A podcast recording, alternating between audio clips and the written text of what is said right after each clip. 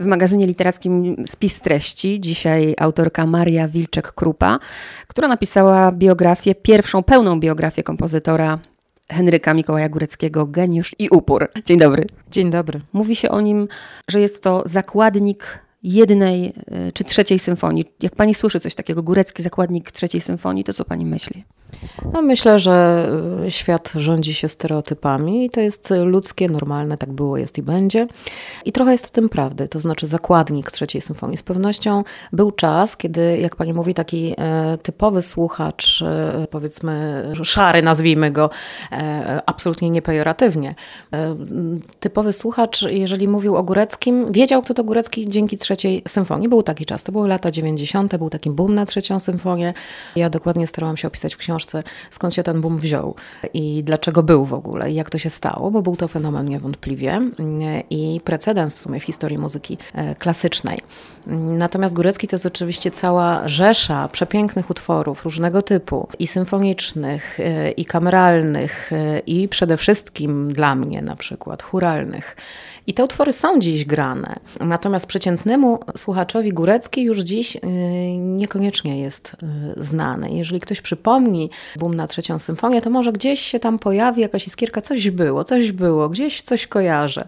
Ale żeby tak powiedzieć, co Górecki napisał, to myślę, że, y, że mamy z tym coraz większą trudność. I dlatego też ta pierwsza biografia, właśnie przybliżająca człowieka, który no, jednak był geniuszem i który osiągnął w historii muzyki no, coś, czego nie osiągnął żaden inny twórca.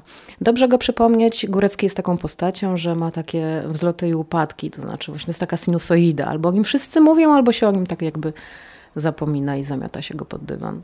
Tak jak pani powiedziała, przybliżyła pani historię człowieka. Chciałabym poruszyć kilka wątków. Zacznijmy od dzieciństwa. Urodził się na Śląsku, w Czernicy, prawda?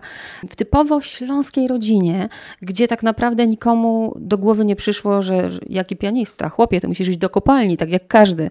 Nie było mu łatwo, przecież on bardzo późno zaczął tak naprawdę uczyć się gry. Tak, do kopalni albo na kolei, prawda? Bo to były takie dwa zawody y, w Rydultowach, w których dorastał Henryk Mikołaj Górecki, takie dwa zawody, którymi parali się mężczyźni. Albo albo byli kolejarzami jak ojciec Góreckiego, albo pracowali w kopalniach. Górecki, który był kaleką, no miał marne szanse na pracę fizyczną, ale była szansa, że będzie może pracował w biurze. Myślano, że może zostałby księdzem. No coś w każdym razie pożytecznego, a nie muzyka. Chociaż cała rodzina Góreckich potrafiła grać. Ojciec grywał na weselach, radził sobie i, trochę na fortepianie i bardzo dobrze na gitarze.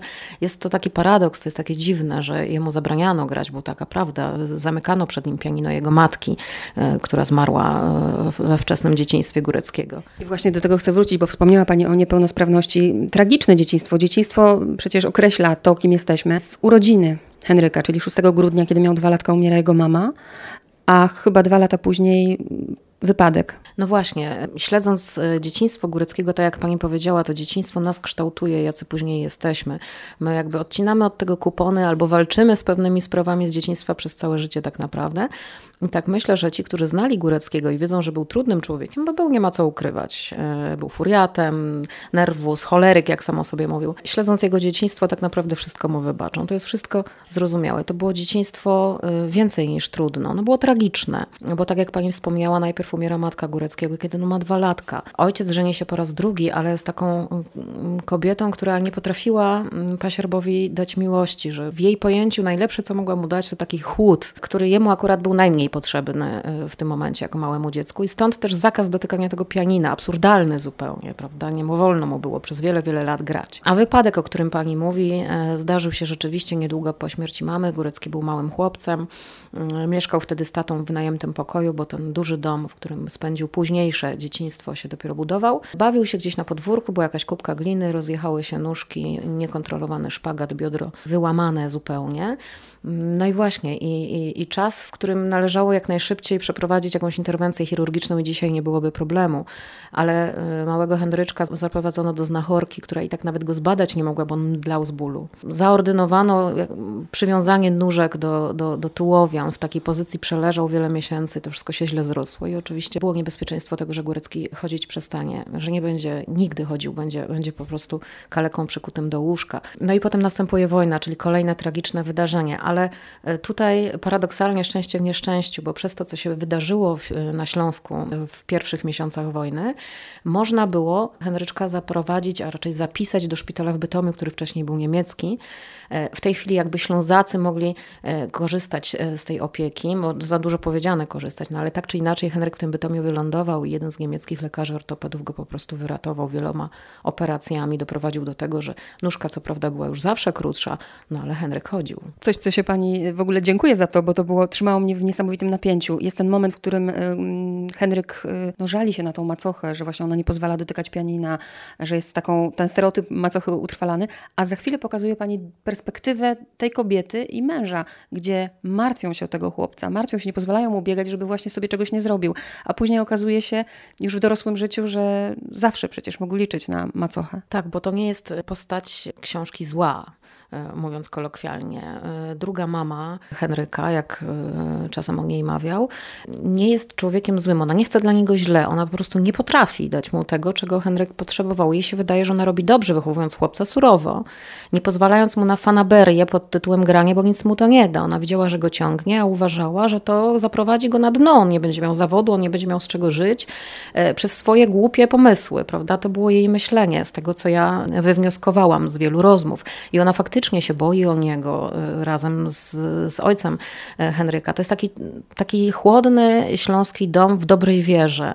My dzisiaj oczywiście patrzymy na to w sposób zupełnie inny. No, minęło może nie tak wiele lat, ale nasze podejście do wychowania dzieci to jest w ogóle coś diametralnie różnego, a tam to było właśnie takie, takie surowe i później, kiedy już się okazało, że to, co on wybrał, czyli ta droga muzyczna, ona jak najbardziej zdaje egzamin, to macocha odpuściła i rzeczywiście jak on jeździł na studia, ona mu prasowała tę koszulę, krochmaliła. Y, później była wspaniałą babcią dla, dla jego dzieci. To, to jakby dwie osoby różne były. Podkreślam i chcę podkreślić to słowo z tytułu upór, y, bo rzeczywiście imponuje Górecki. Raz mnie tylko zaskoczył, do tego dojdę, ale zacznijmy właśnie od tego jego perfekcjonizmu. Z jednej strony to trochę mnie przerażało. Nawet sobie na YouTubie oglądałam filmiki zapisu jego nutowego, jakie to wszystko po prostu jest ołówki równo ułożone, dlatego kota nigdy do domu nie wpuściłby.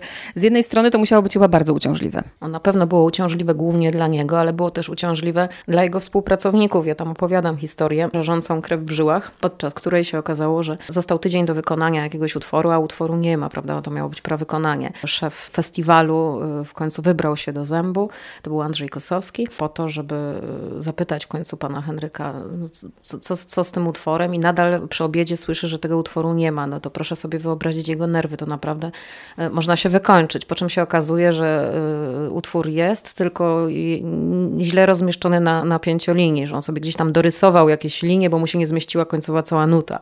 I dla niego utworu nie ma, prawda? No dla, dla y, Andrzeja Kosowskiego to po prostu y, był zupełny szok. On nie wiedział sam, co ma powiedzieć. Najpierw z, z radości, że utwór jest, a potem z tego zdziwienia, że, że to o to tak naprawdę szło. Więc ten perfekcjonizm był na pewno uciążliwy, ale Górecki uważał go za zaletę. Większość rzeczy, które robił, a może raczej wszystko, co robił, musiało być perfekcyjne, tak był tego nauczony. Więc jak projektował meble, to one też musiały być perfekcyjne. Jakby je pani widziała, te meble, zrobione według jego projektu, no to tak jakby wyszły od stolarza, z fabryki, tam jest wszystko wycyzelowane. Tutaj nawet te projekty, one nie są jakieś jak, jak partytury Góreckiego, bo ja je widziałam i one tam tu coś narysowane, tam on kombinował, kombinował, one są takie robocze, ale przemyślane, jest wszystko, a jego biurko, jego pracownia e, no, wygląda tak, że e, w ogóle trudno to opisać. To są ołóweczki położone równo, bo żaden nie może wystawać poza swoją linię. Jaś kiedyś powiedział wnuk pana Henryka, że do tej pory e, boi się tam coś ruszyć, bo ma wrażenie, że zaraz coś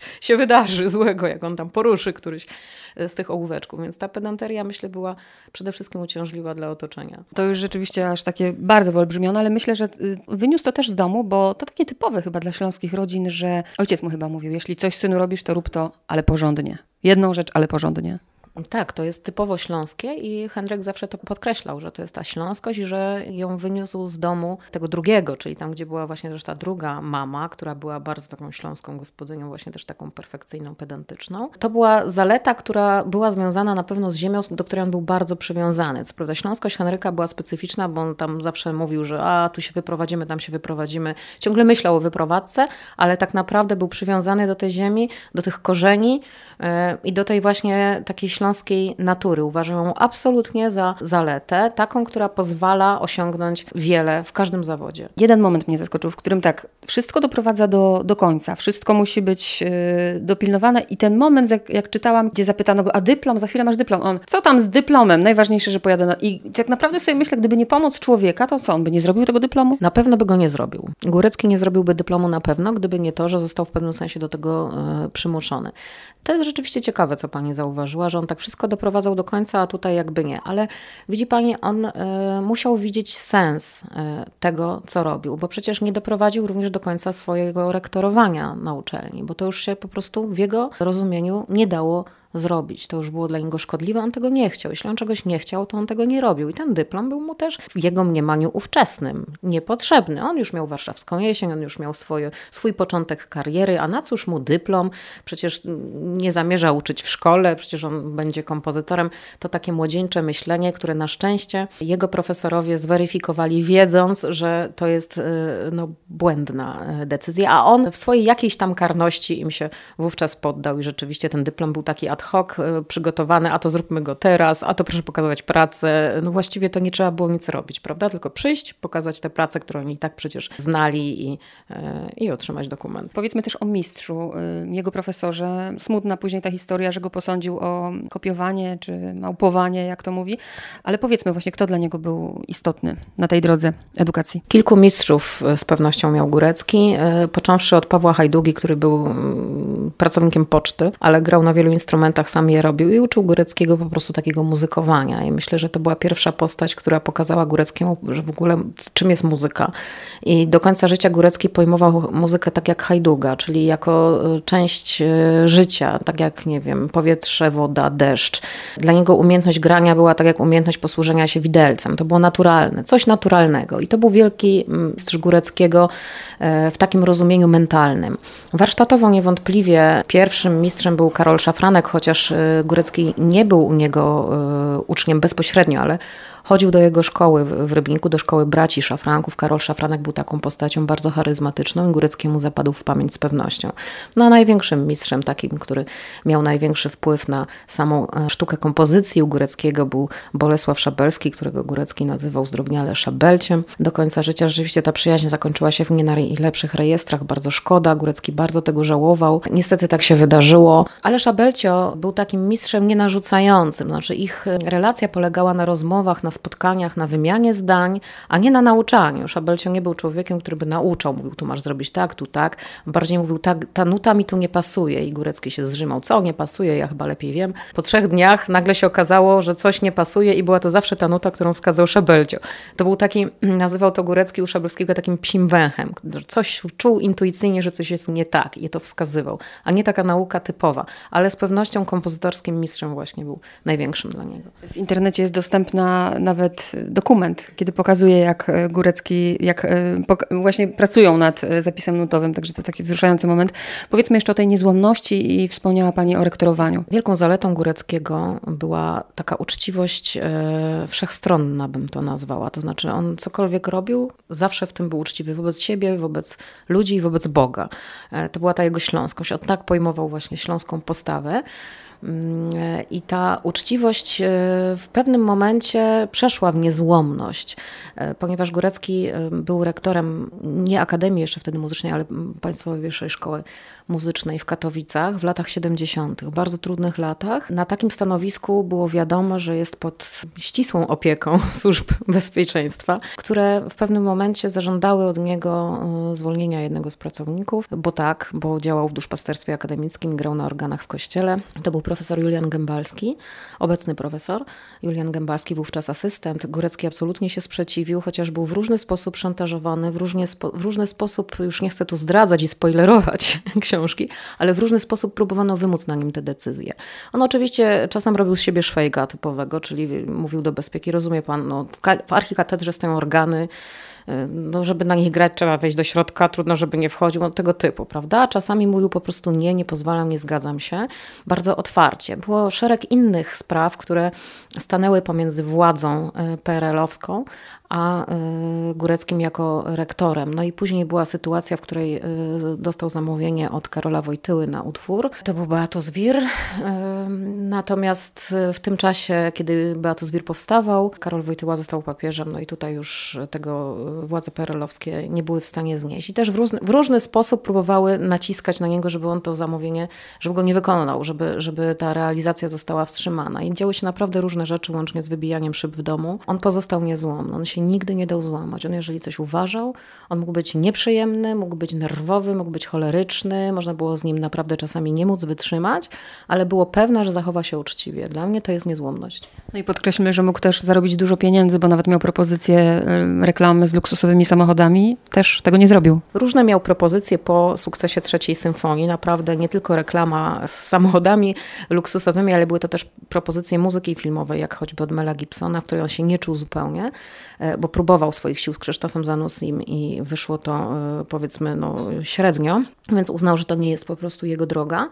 E, I dla niego nigdy to kwestia materialna nie była, ona była ważna, no bo dla każdego jest ważna, to nie ma co ukrywać, bo to człowiek nie żyje powietrzem ani wodą. Natomiast to nigdy nie było dla niego celem samym w sobie, więc on się w czymś nie czuł, on nie chciał czegoś robić, to to nie miało dla niego znaczenia, ile to, że mógłby zarobić na tym tyle albo tyle. Czy on był, czy trudno zadać to pytanie, bo trzeba było je Góreckiemu zadać, człowiekiem spełnionym, bo z jednej strony tak, marzył o tym, żeby grać dopiął swego, marzył o szczęśliwej rodzinie, założył rodzinę, zresztą dzieci kontynuują te pasje muzyczne. Był spełniony? Myślę, że e, Górecki odszedł jako człowiek absolutnie spełniony, chociaż oczywiście nie mam najmniejszych praw, żeby tak mówić autorytatywnie, prawda? To są moje przypuszczenia. Śledząc jego życie, widząc jaki był ten czas siewu, ja tak e, nie bez kozery nazwałam jedną część, jedną z części e, książki, czas siewu, że gdzieś ciągle miał pod górę, że tam bez przerwy się wydawało, że on upadnie, że to właściwie nic nie dawało, że on siał i siał i siał i nic z tego nie wychodziło i to był bardzo długi czas.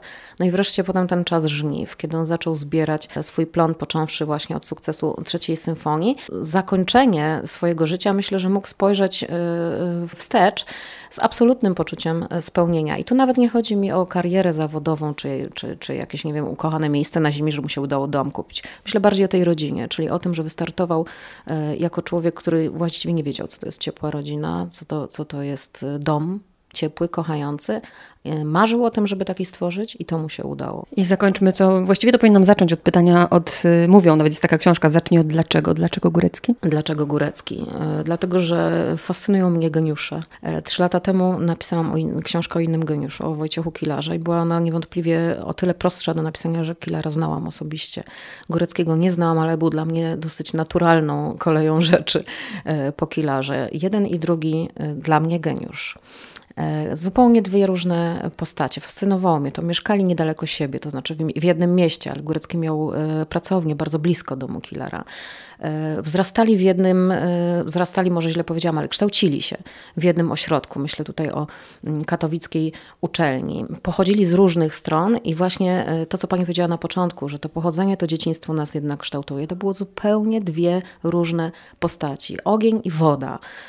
A jednak geniusz ten sam. To mnie zafascynowało, że to jakby idzie takimi różnymi drogami, ale na koniec okazuje się, że ten, e, że ten talent, jeżeli jest, to on zawsze ten swój plon zbierze. I stąd Górecki po Kilarze wydawał mi się taki oczywisty. Bardzo dziękuję. Dziękuję bardzo.